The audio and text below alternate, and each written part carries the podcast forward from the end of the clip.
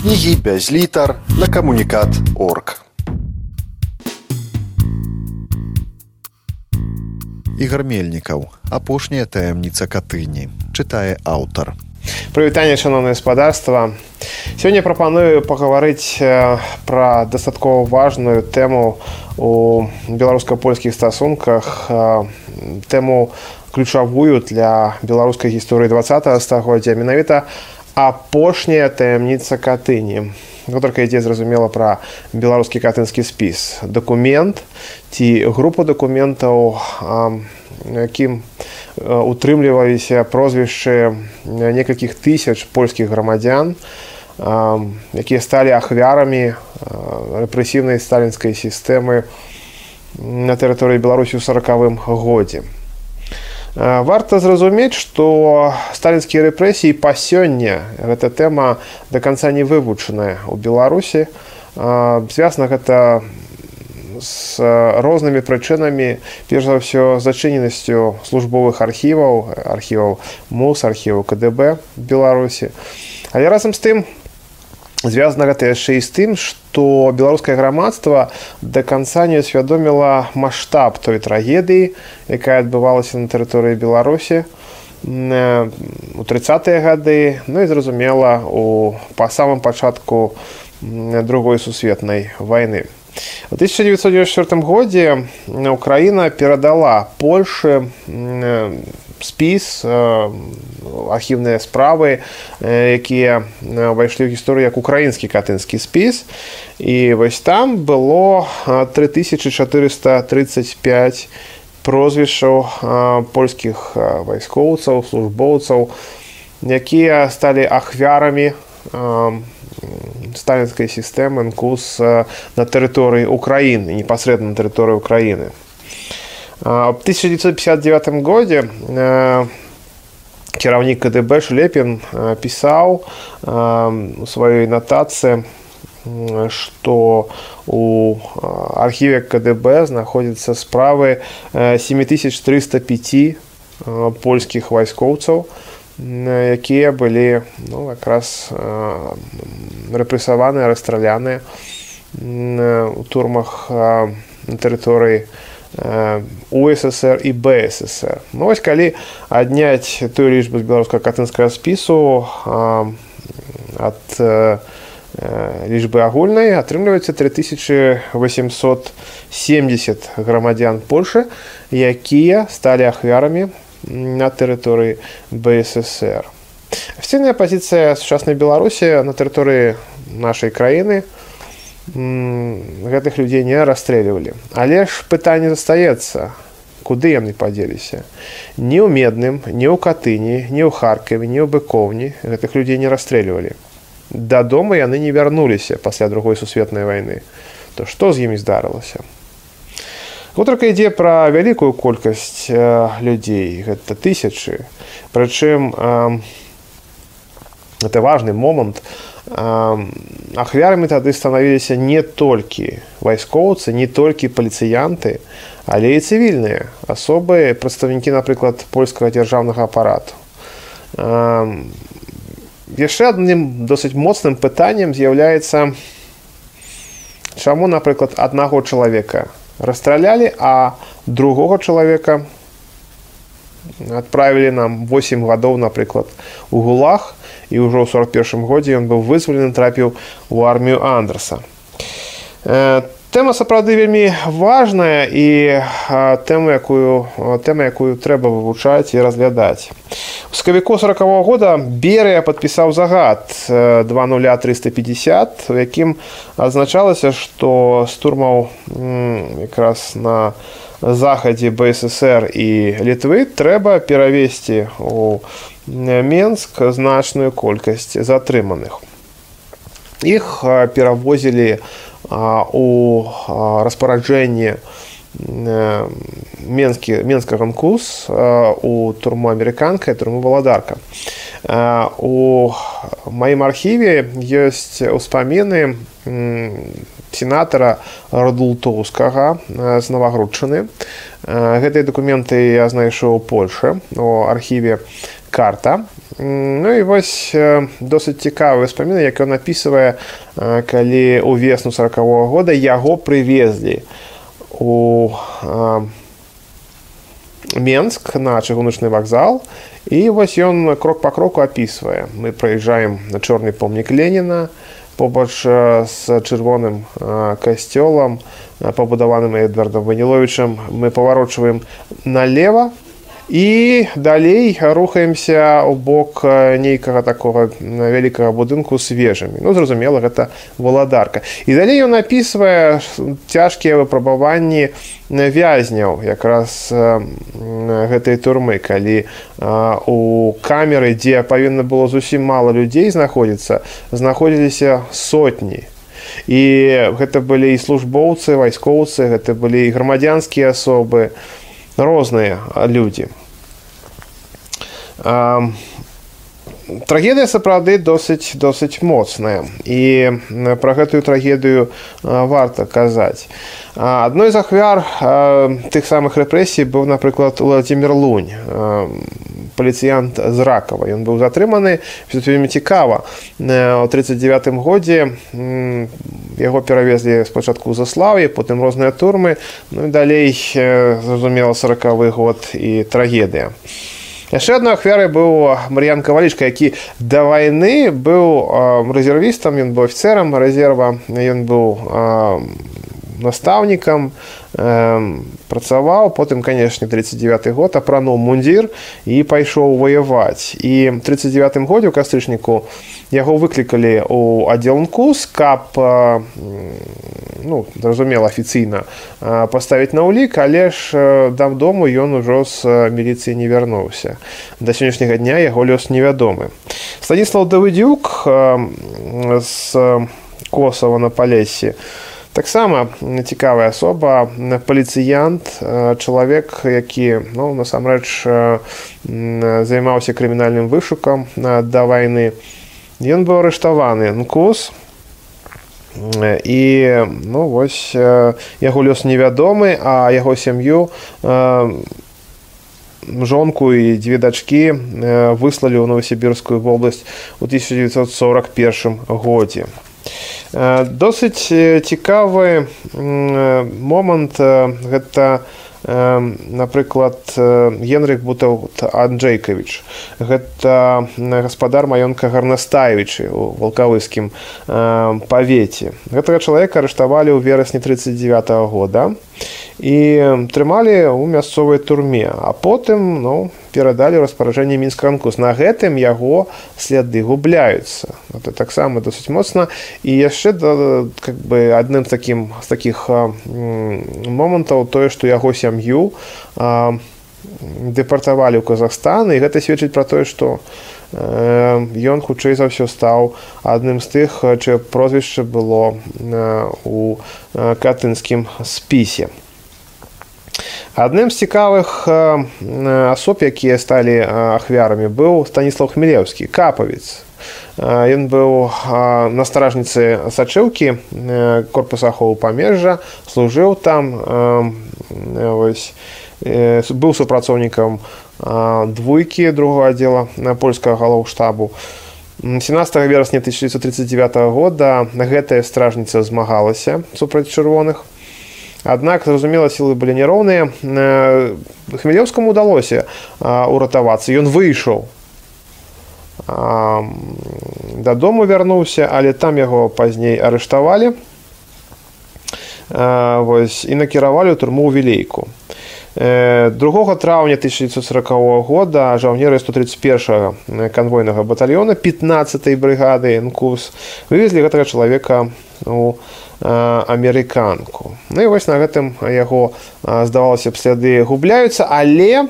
у сярэдні 90-х гадоў яго родныя атрымалі вось дакументы з беларускай пракуратуры. Працытую што там было напісана У документах дзяржаўнага архіва мінскай вобласці маюцца сведчанні пра тое, што хмелеўскі станіслав Антонович 1900 года нараджэння ураджэнец беластоцкай вобласці, які пражываў на хутары Яноўшына альковіцкая сельскага савета был арыштаваны ў снежні 1939 года направленнем кус вілейскай вобласці і абвінавачаны ў тым што на працягу шмат гадоў служыў у войску польскім вось такое было абвінавачанне у сорокавым годзе ў красавіку следствие было скончана і накіравана на разгляд асаблівай асаблівай нарады ну что такое асаблівая нарада гэта зразумела гэта тройкі гэта хутчэй за ўсё расстрэл ну так і было э, насамрэч сям'ю дэпартавалі ў казахстан гэта гэта жудасная трагедыя ігар мельнікаў апошняя таямніца катыні чытае аўтар былі сярод ахвяр сталінскіх чыстак тады у тым ліку беларусы Вячеслав Богданович, сенатор другой Речи Посполитой, человек неординарный, человек, які змагаўся за правы беларусаў у складзе другой Речи Посполитой, за што быў рэпрэсаваны польскімі ўладамі. 39 год ён сустрэў в якасці вязня берозы картускай гэтага сумнага лагеру ці спецыяльнай турмы. І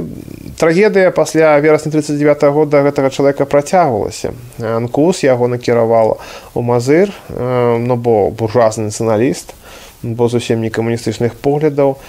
І яго шляхі яго сляды губляюцца на гэтым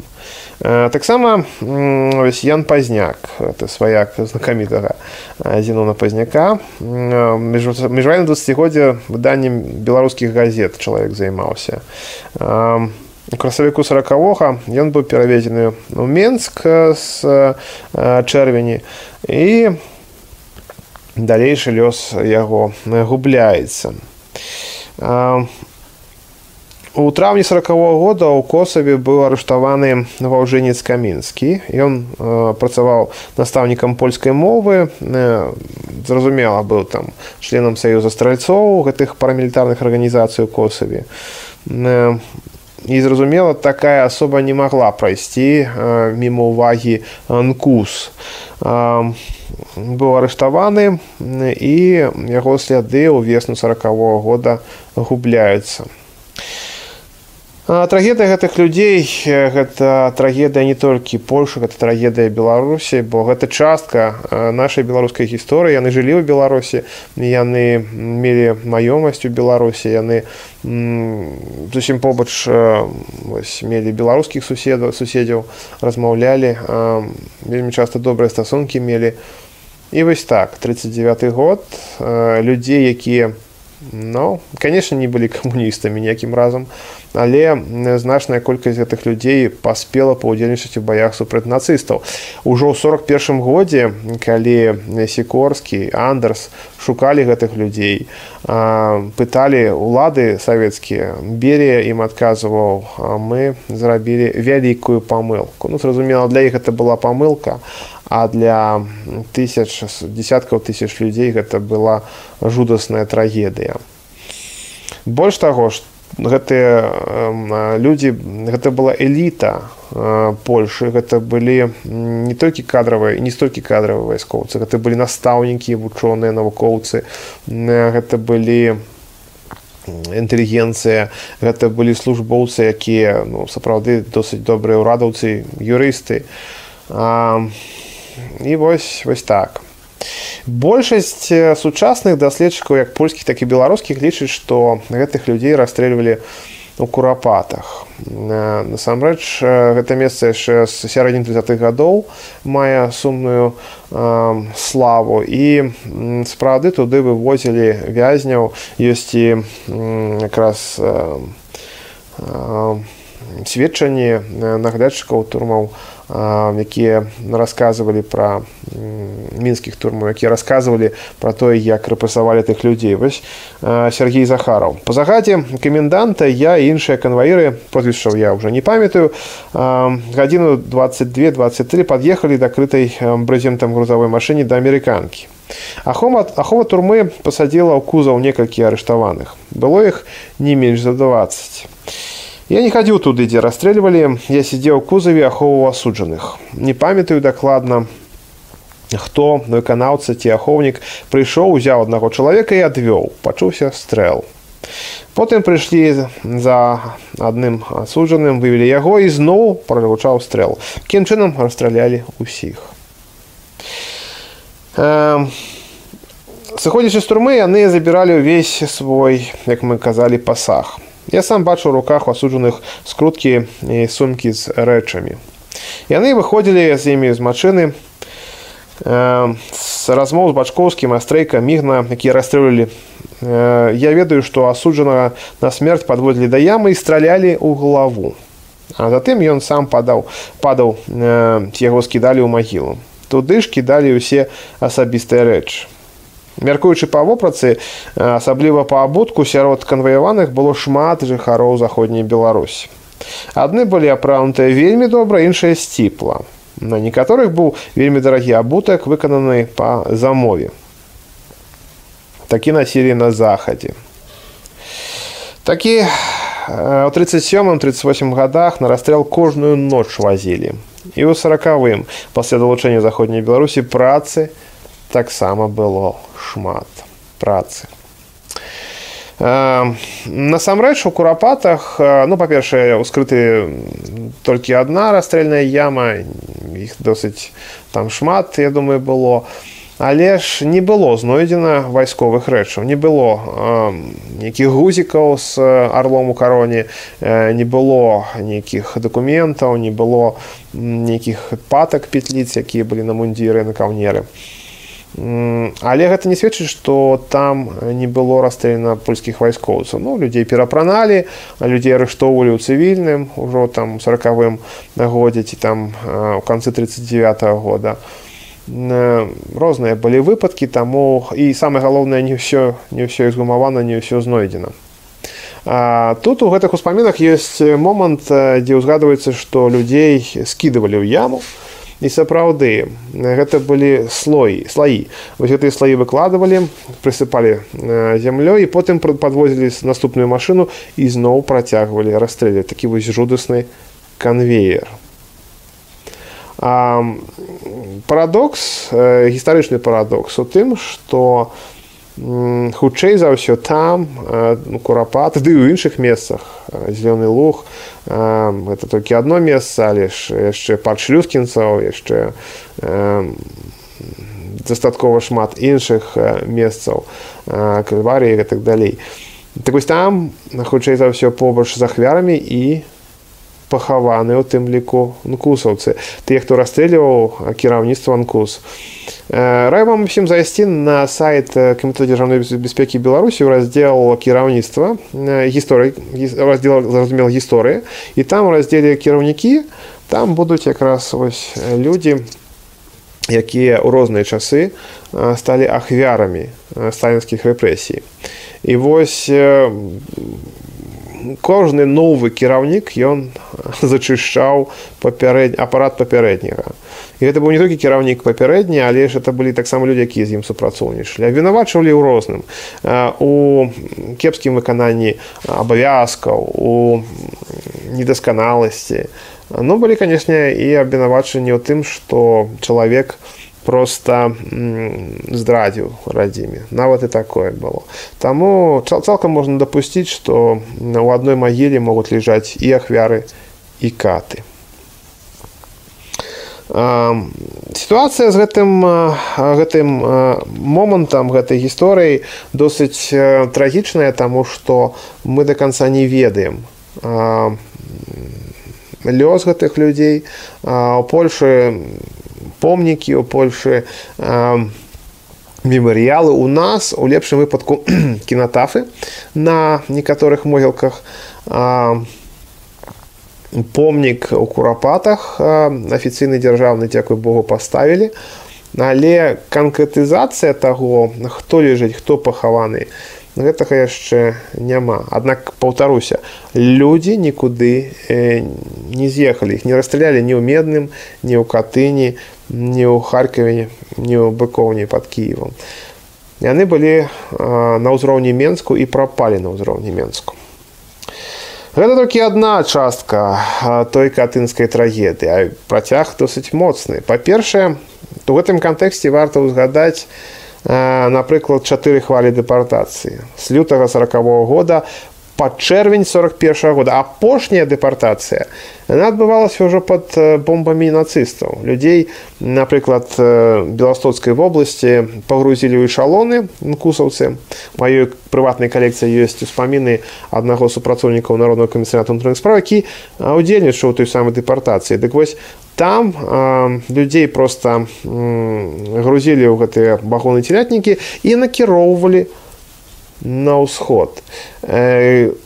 гэта было кане там 19 там 20 чэрвеня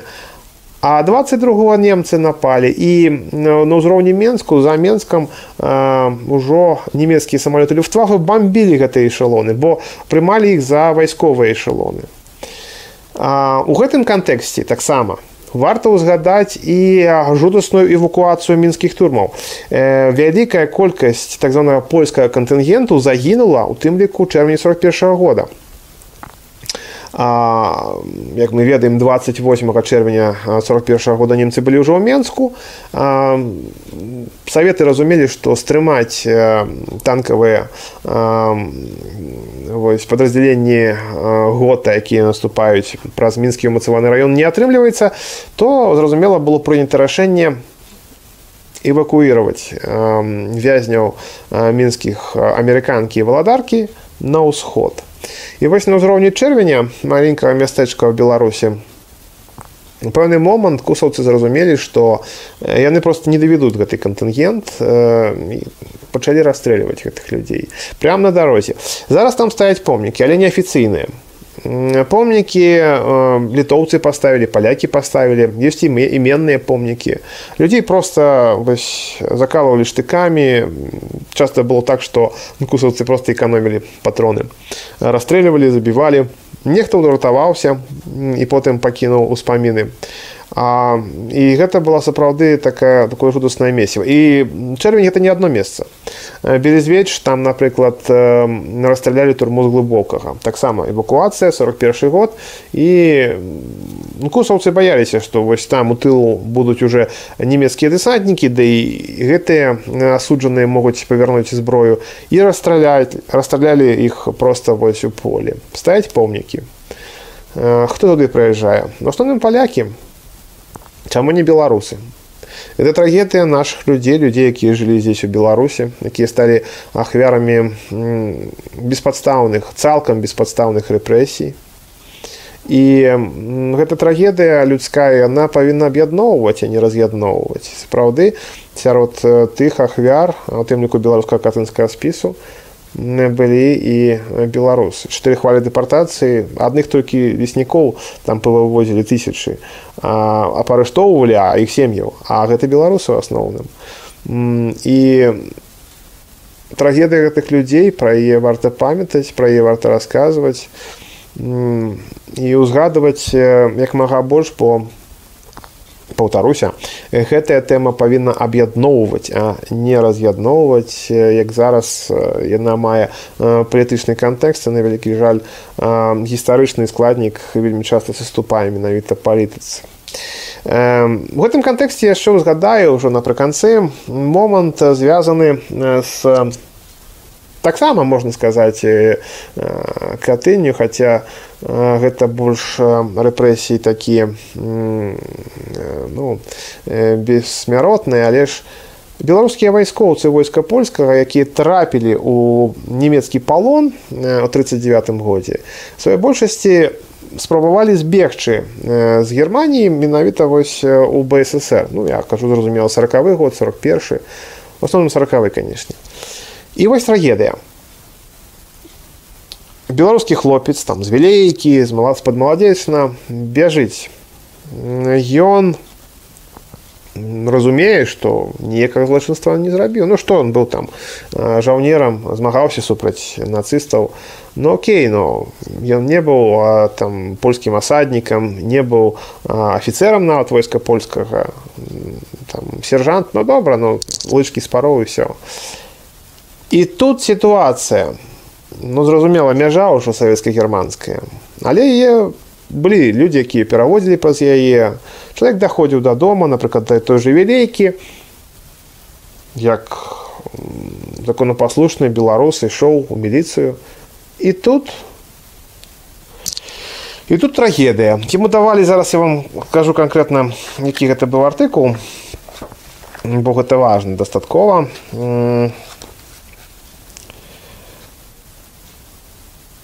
Так, артыкул 120 уголовного кодекса БССР. Вы за мяжу ці ўезд у СССР без установленого пашпарта ці часовых пасведчанняў асобы асобамі якія прыязджалі прыязджаюць у мясцовасць дзе ўведзены пашпартная сістэма ну то бок чалавек нелегальна перасек мяжу Окей. Але як можна было легальна калі яго не выменілі калі ён знаходзіўся ў палоне ён бег дадому ён хацеў вярнуцца да сваіх бацькоў да сваёй жонкі з дзіцямі